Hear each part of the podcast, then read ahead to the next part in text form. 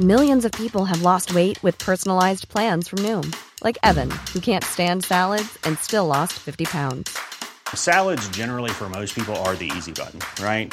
For me, that wasn't an option. I never really was a salad guy. That's just not who I am. But Noom worked for me. Get your personalized plan today at Noom.com. Real Noom user compensated to provide their story. In four weeks, the typical Noom user can expect to lose one to two pounds per week. Individual results may vary.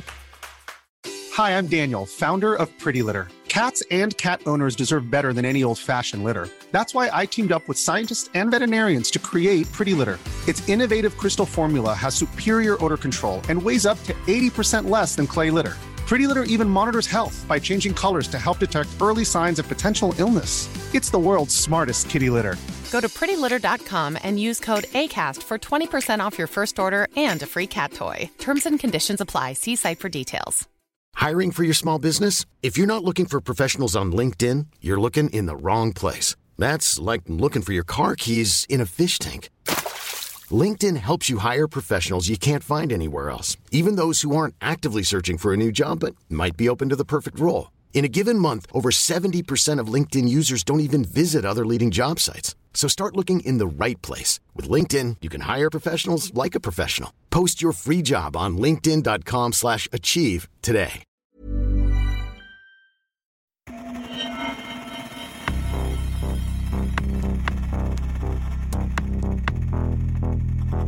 Expect more attacks on the government. They caused a lot of damage. On any computer crime, you want to look for the digital footprints. Dataintrång där interna handlingar läckte The ut. shadowy group behind the hacking attack on the Federal Reserve. breaking into files. Beskriver dataintrången så mycket avancerade. This is just the beginning. We will respond, respond, respond, respond. Nätets mörka sida. Sanna historier om brottslighet på internet.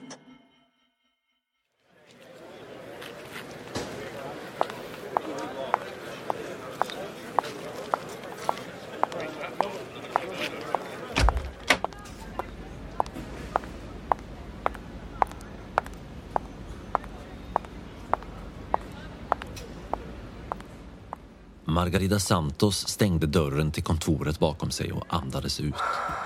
Ah, äntligen fredag, tänkte hon när hon gick genom korridoren som ledde ut mot Sao Paulos sprudlande gator. Klockan var redan halv åtta på kvällen och hon hade jobbat konstant sedan klockan åtta i morse. Hon hade knappt hunnit äta lunch, stackarn. Så hektiskt hade det varit på advokatbyrån där hon jobbade. Men nu var arbetsveckan slut och hon gick med sprittande steg genom marknaden där folk sålde allt från färsk bläckfisk och billiga iPhone-laddare till små glittrande ballonger, grillspett och varma chips. Sen vek hon av åt vänster in i en liten gränd och fortsatte ytterligare några hundra meter rakt in bland byggnaderna som mest liknade någon slags hemgjorda skjul av korrugerad plåt än bostäder. Kontrasten mot den glänsande byggnaden av glas och stål där de nyss hade klivit ut från jobbet var gigantisk. Nu var hon framme. Hon satte in nyckeln i hänglåset och när det klickade till och gick upp så kändes det som att hon hade fått sin första semester på åratal. Även fast hon i själva verket inte hade haft någon semester alls sedan hon började jobba som arkivarie på advokatbyrån mitt i Sao Paulo City. Hon sparkade av sig skorna och slängde upp benen på det lilla plastbordet som stod mitt i rummet där hon bodde. Soffan hon satt i var nedsutten och full av begynnande blåbruna mögelfläckar. Det blir så när man bor med vidöppna fönster och utan ventilation i tropisk värme och utan skydd mot fukten från regnet. Det vore nog för mycket att kalla det för lägenhet. Det var mer som ett hål i väggen och skjutdörren av plåt som skilde hennes bostad från gränden utanför skorrade högljutt av vinden dygnet runt.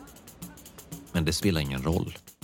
För Margarida Santos hade en dröm och hon var i full färd med att följa den varenda kväll när hon kom hem från jobbet. Hon plockade fram sin gamla laptop och vek upp skärmen.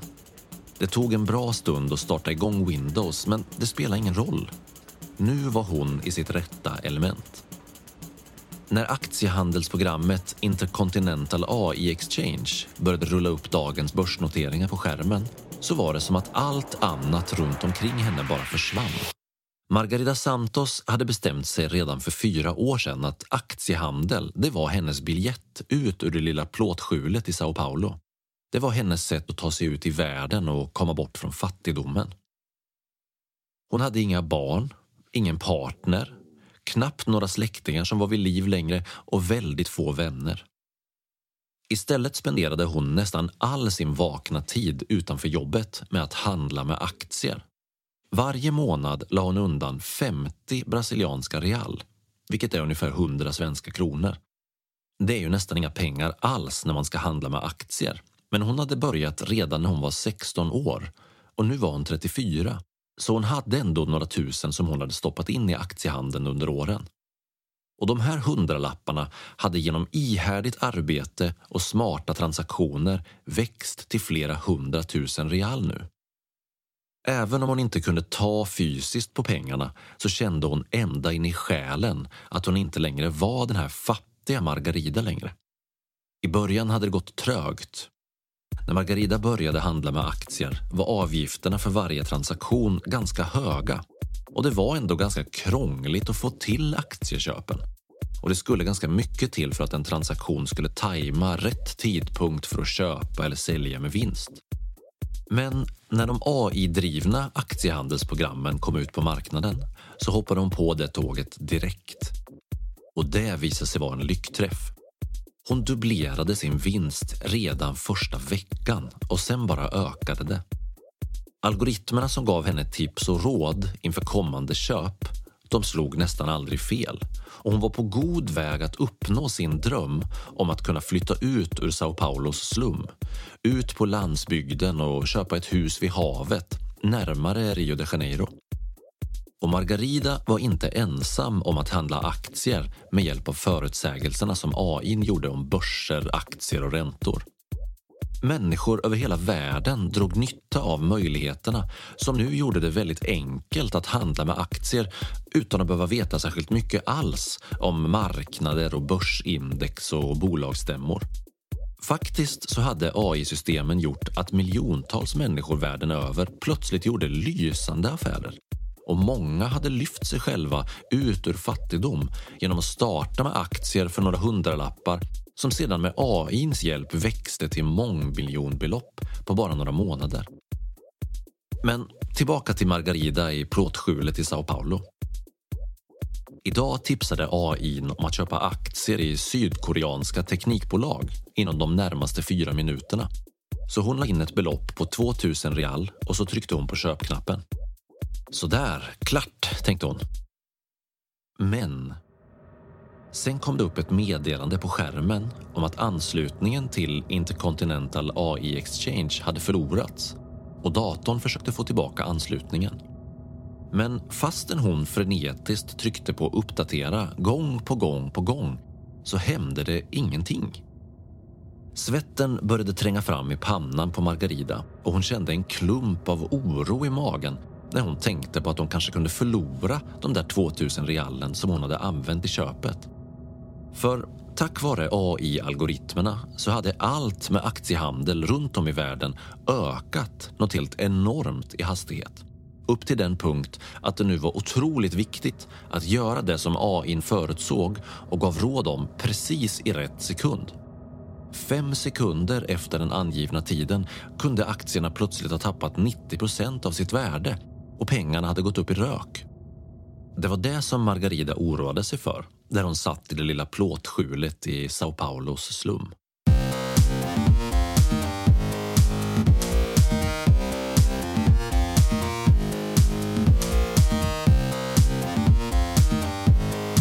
Men några hundra mil norrut så hade Robert Barlow helt andra problem. Han stirrade på skärmarna framför sig det här händer inte, det här händer inte, det är inte på riktigt, tänkte han medan hans hjärta klappade fortare och fortare. Vi är störst i världen. Det här är omöjligt. Det är omöjligt. Runt omkring honom började alla andra ställa sig upp och diskutera högljutt med varandra. Det ringde i mobiler överallt och folk uppträdde otroligt stressat. Man kunde nästan känna lukten av stresshormoner och adrenalin i luften när människornas stressade diskussioner övergick i skrikande och gapande rakt ut i luften inne i världens största aktiehandelsnav. Robert Barlow hade sex stora skärmar staplade på varandra vid sitt skrivbord på New York-börsen. Och nu visade alla skärmarna samma sak. Det var fullt med nollor överallt. Vart han än tittade, på var och en av de sex skärmarna, så stod det bara noll. Han tabbade sig igenom alla 60 börserna i hela världen och överallt var det samma sak. Noll dollar, noll real, noll euro, noll kronor, noll pund, noll procent, noll, noll, noll och noll igen. Bara noll. Men vad var det som hände egentligen? Alla börsanalytikers värsta mardröm hade slagit in. Den globala börshandeln, ja, hela det globala ekonomiska systemet hade imploderat och allt hade nollställts.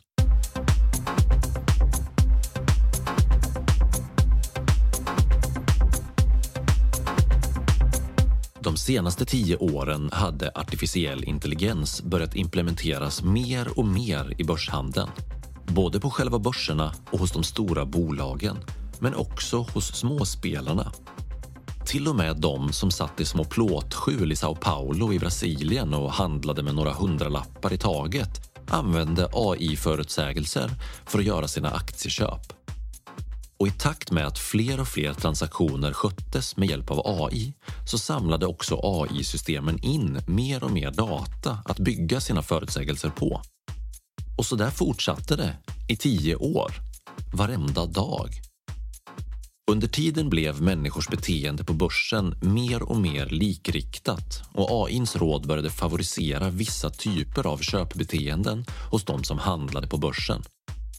Hela världens aktiehandel började långsamt men stadigt följa samma mönster. Och trots att AI hela tiden matades med mer och mer data att basera algoritmerna på så blev det ingen förändring. Och till slut, när Margarida Santos tryckte på köpknappen i sitt plåtskjul i Sao Paulo så gjorde alla andra system i hela världen exakt samma sak, exakt samtidigt. Och vips så sjönk allt värde på hela den globala finansmarknaden rakt ner till noll. Zip, zilch, zero, nada. Det fanns inget värde i någonting längre och börsen var död.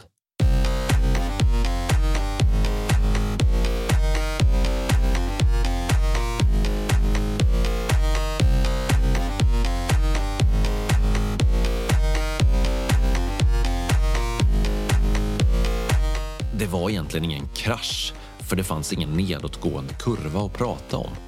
Det hade bara tagit några mikrosekunder för hela systemet att braka ihop och det gick inte att starta om. Eftersom det inte längre fanns något värde över noll någonstans i hela systemet så gick det inte att få upp allt igen. I alla fall inte direkt. Precis vartenda börsnoterat aktiebolag i hela världen var nu värderat till noll kronor. De privata aktiespararnas portföljer var nu värda noll kronor. Hedgefonderna, småspararnas fonder, pensionsfonderna, allt var värt noll kronor, ingenting överhuvudtaget. Den artificiella intelligensen som i praktiken hade styrt börsen sedan tio år tillbaka hade av misstag dödat det finansiella systemet i världen. Det här är nätets mörka sida med mig, Marcus Porsklev.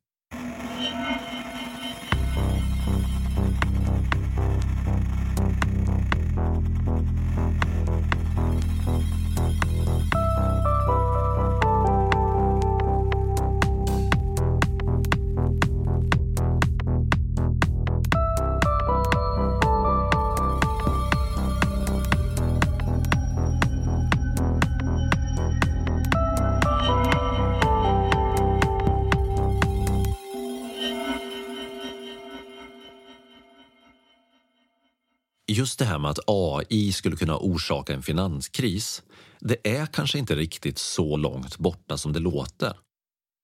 Även om det kanske inte skulle ske på det sättet som du nyss hörde i introt så finns det fler skäl att oroa sig för hur stort inflytande AI redan har och kommer att få över handeln på världens börser de kommande åren. Gary Gensler, som är chef för SEC, Security and Exchange Commission i USA, har gått ut och varnat för att en AI-driven finansiell kris är nära på oundviklig om vi inte snabbt börjar reglera hur AI av olika slag används i finansvärlden.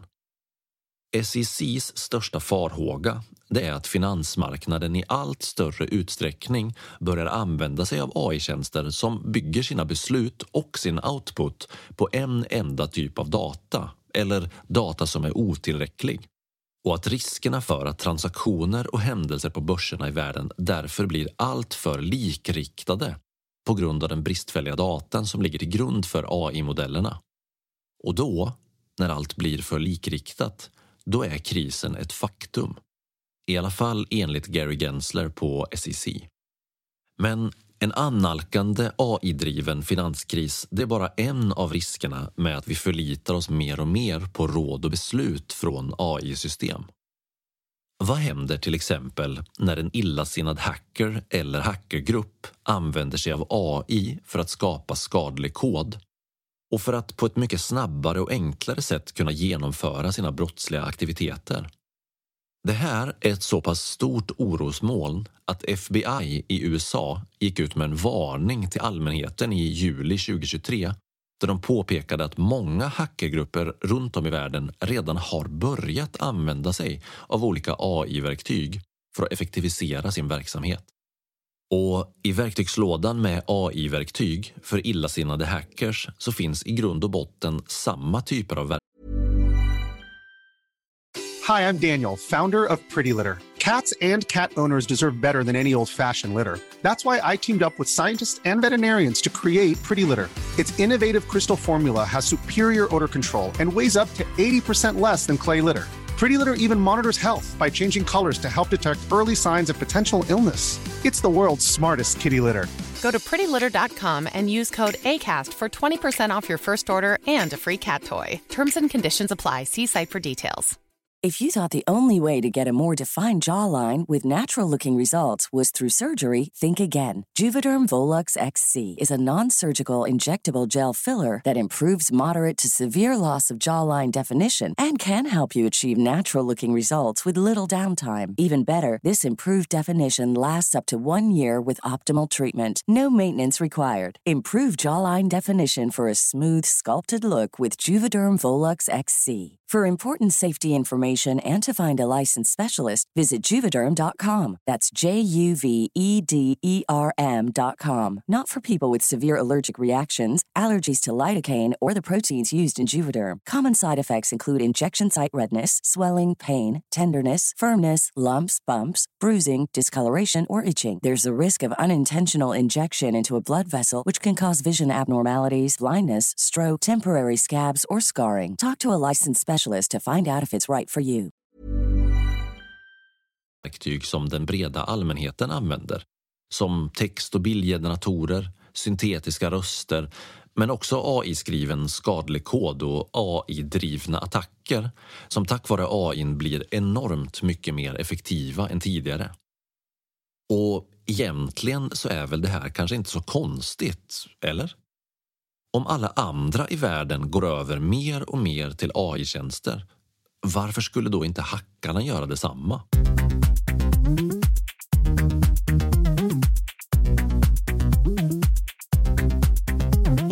Listan över attacker där hackare redan har använt sig av AI sträcker sig från phishing-attacker till social engineering, keystroke monitoring, avlyssning och bryta sig in för att stjäla värdefull data och mycket, mycket mer.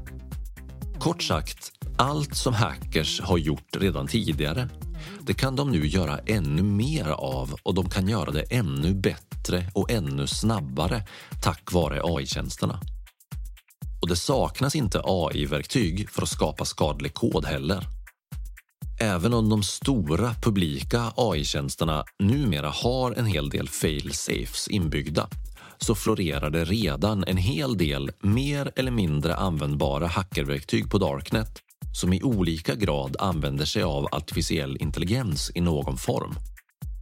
AI hade redan i det andra kvartalet av 2023 underlättat så mycket för hackergrupperna runt om i världen att Checkpoint Research kunde rapportera att en 8 i ökning av globala hackerattacker hade hänt. Och det ser inte ut att kunna finnas något tecken på att det minskar. Tvärtom faktiskt, det ökar hela tiden.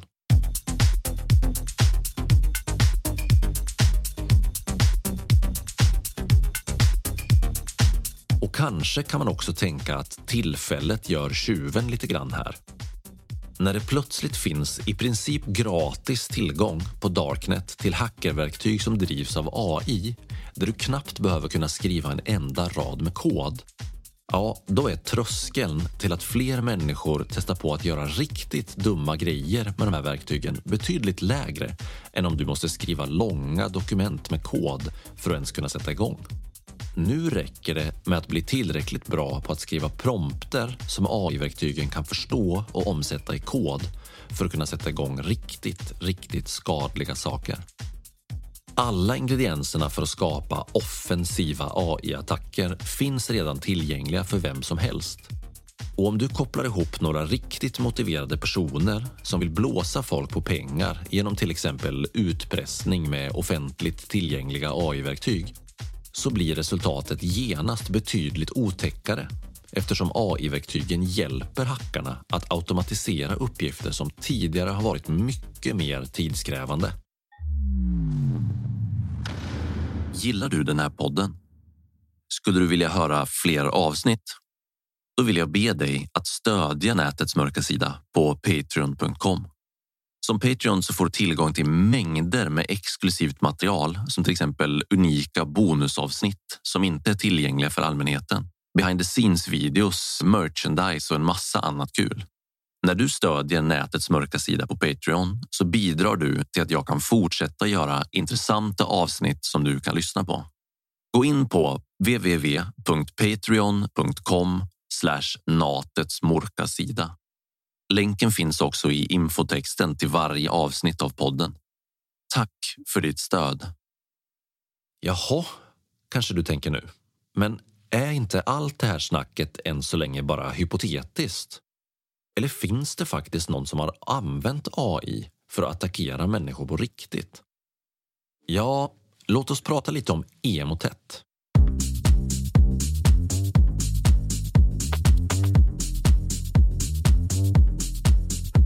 Emotet-trojanen är ett praktexempel på hur en AI-komponent har implementerats i ett riktigt otäckt malware. Den huvudsakliga distributionsmekanismen för Emotet är spam phishing. Det brukar vanligtvis vara så att Emotet infekterar när offren klickar på en falsk länk som är bifogat i ett e-mail som hackarna skickar ut. Oftast är det en ganska ordinär faktabluff och det brukar vara ganska generiska e-postmeddelanden som skickas ut. Så det brukar inte vara supersvårt att förstå att det faktiskt är en bluff som man har råkat ut för. Men någonting har hänt med Emotet-trojanen. Och det är här som AI kommer in. De som har skapat Emotet har nyligen byggt in en modul i den skadliga koden som samlar in e-maildata från offren. Och fram tills ganska nyligen så var det ingen som riktigt fattade vad hackarna skulle ha all den här informationen till. Men sen så hände det någonting. Det var som att Emotet plötsligt blev, ja, smart helt enkelt. Plötsligt kunde Emotet lägga in sig själv i existerande e-mailtrådar. Och i de trådarna så rådde Emotet användarna att klicka på den skadliga länken som sen leder till infektion och sprider ännu fler skadliga e-postmeddelanden. Att lägga in sina egna meddelanden i existerande e-postkonversationer det ger phishingen mer legitimitet och kan få många fler människor att tro på att det inte är så farligt att klicka på länken. Men inte nog med det. Dessutom hände något annat som vi inte har sett förut. Emotet började skicka ut kontextuellt medvetna meddelanden till offren. Ja, I klarspråk så betyder det här att Emotet helt plötsligt började skriva meddelanden som faktiskt byggde på de tidigare konversationerna i mejltrådarna. Som om den plötsligt förstod vad offren hade skrivit om tidigare. Och det här är någonting helt nytt. Det är ingenting som en vanlig trojan skulle kunna göra. På något sätt har skaparna av emotet alltså lyckats få en generativ AI att arbeta till deras fördel och skapa kontextuellt medvetna svar i mejltrådarna för att kunna använda en sorts social engineering med hjälp av AI som hjälper dem att infektera ännu fler människor som låter sig luras av AIns meddelanden i deras egna existerande mejlkonversationer. Det här är ganska otäckt ändå om du frågar mig. Än så länge så är de här meddelandena inte särskilt personliga och även om de är långt mer avancerade än tidigare så är de ändå inte riktigt på den nivån att man inte kan genomskåda det om man har lite förförståelse. Men vad fasen, det har bara gått ett år ungefär sedan ChatGPT kom. Hur kommer emotet att fungera om tio år? Hur avancerade kommer phishing-mailen att vara då? Kommer vi ens kunna förstå att vi blir lurade?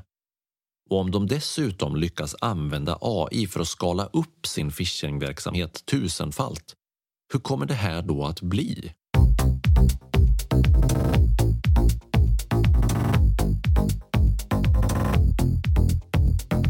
I skrivande stund i november 2023 så träffas politiker och AI-utvecklare från hela världen på ett stort toppmöte där bland annat etik och säker utveckling av framtida AI står i fokus.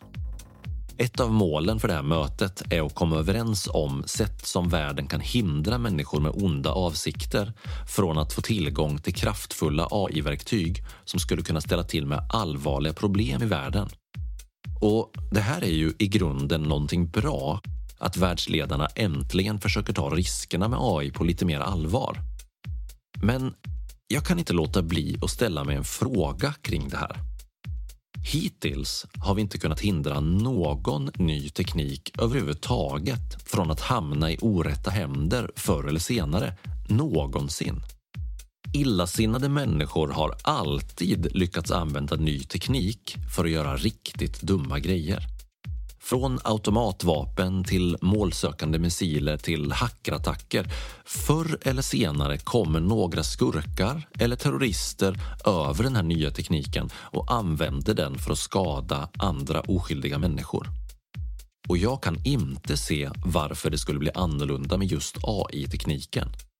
Varför skulle inte till exempel Hamas eller IS eller Boko Haram kunna använda AI för att utföra ännu värre terrorattacker? Det finns så mycket otäcka saker som AI skulle kunna ställa till med att tanken svindlar. Redan när kriget i Ukraina började i februari 2022 så dök det upp mängder av deepfake-videor och falska inlägg på sociala medier och i nyheter över hela världen. Men nu, i november 2023, när kriget mellan Hamas och Israel rasar för fullt, så är det på en helt annan nivå. Mina egna sociala medier och nyhetskanaler fullständigt svämmar över av deepfakes och falska nyheter. Och det skulle förvåna mig om inte AI har en roll att spela i varför det har blivit så.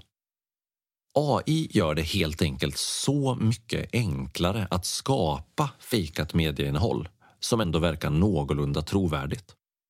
Och det här är något som används överallt, i alla konflikter, över hela världen, hela tiden.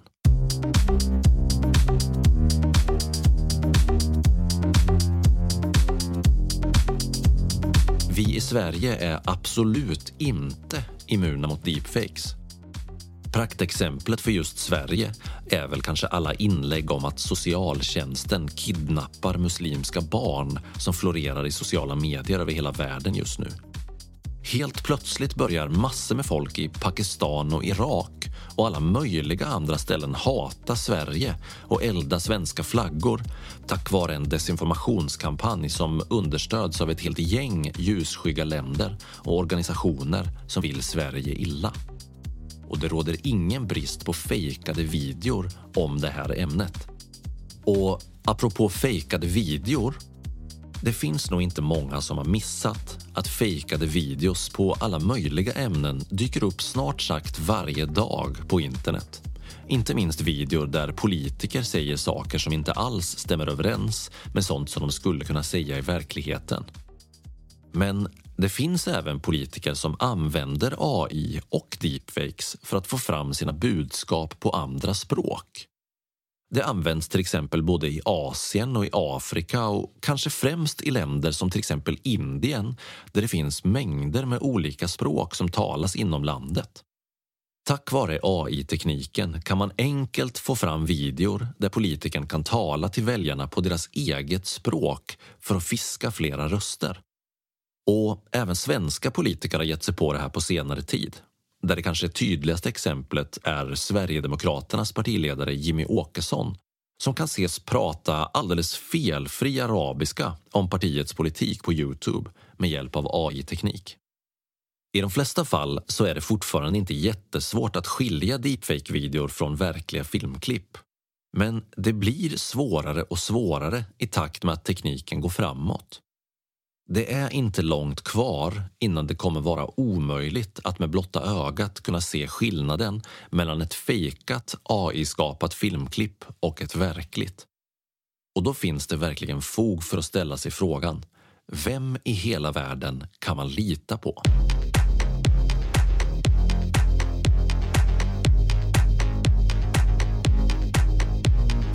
När vi sätter deepfakes i perspektiv till att de faktiskt kan få politiker att vinna val och väljare att byta åsikt, då ter sig framtiden ändå lite mera skrämmande. Och ändå har allt det här som vi har pratat om hittills bara handlat om sånt som AI skulle kunna ställa till med när det används på fel sätt av människor som vill andra människor illa. Men vad skulle kunna hända om vi lyckades skapa generell artificiell intelligens? En AI som har samma förmåga, eller bättre, som vi människor att fatta beslut och tänka själv. Vad skulle den vilja göra då? Vem skulle kontrollera den här AIn och vem skulle se till att den inte gör som den vill istället för att göra det som vi människor vill att den ska göra? Och om vi skulle lyckas skapa en generell AI som är självförbättrande och gör sig själv smartare och smartare hela tiden, vad skulle hända då? När den efter några generationer är tusenfalt mer intelligent än hela mänskligheten tillsammans. Om vi skapar en AI som når superintelligens, vad finns det då som säger att den fortfarande kommer att behöva oss människor? Och om den här AI bestämmer sig för att dess egna mål inte stämmer överens med mänsklighetens mål, har vi då ens en liten chans att överleva som art? Det här ska vi prata om i nästa avsnitt. Du har lyssnat på Nätets mörka sida med mig, Marcus Porsklev.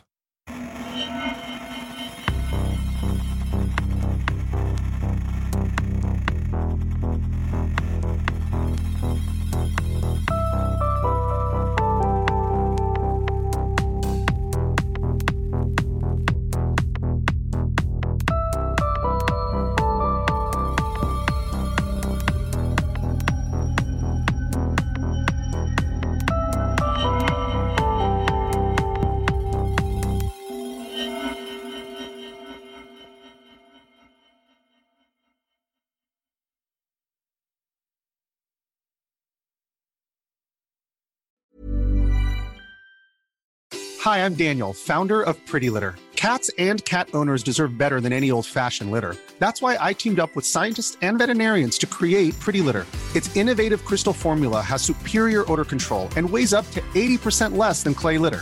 Pretty Litter even monitors health by changing colors to help detect early signs of potential illness. It's the world's smartest kitty litter. Go to prettylitter.com and use code ACAST for 20% off your first order and a free cat toy. Terms and conditions apply. See site for details.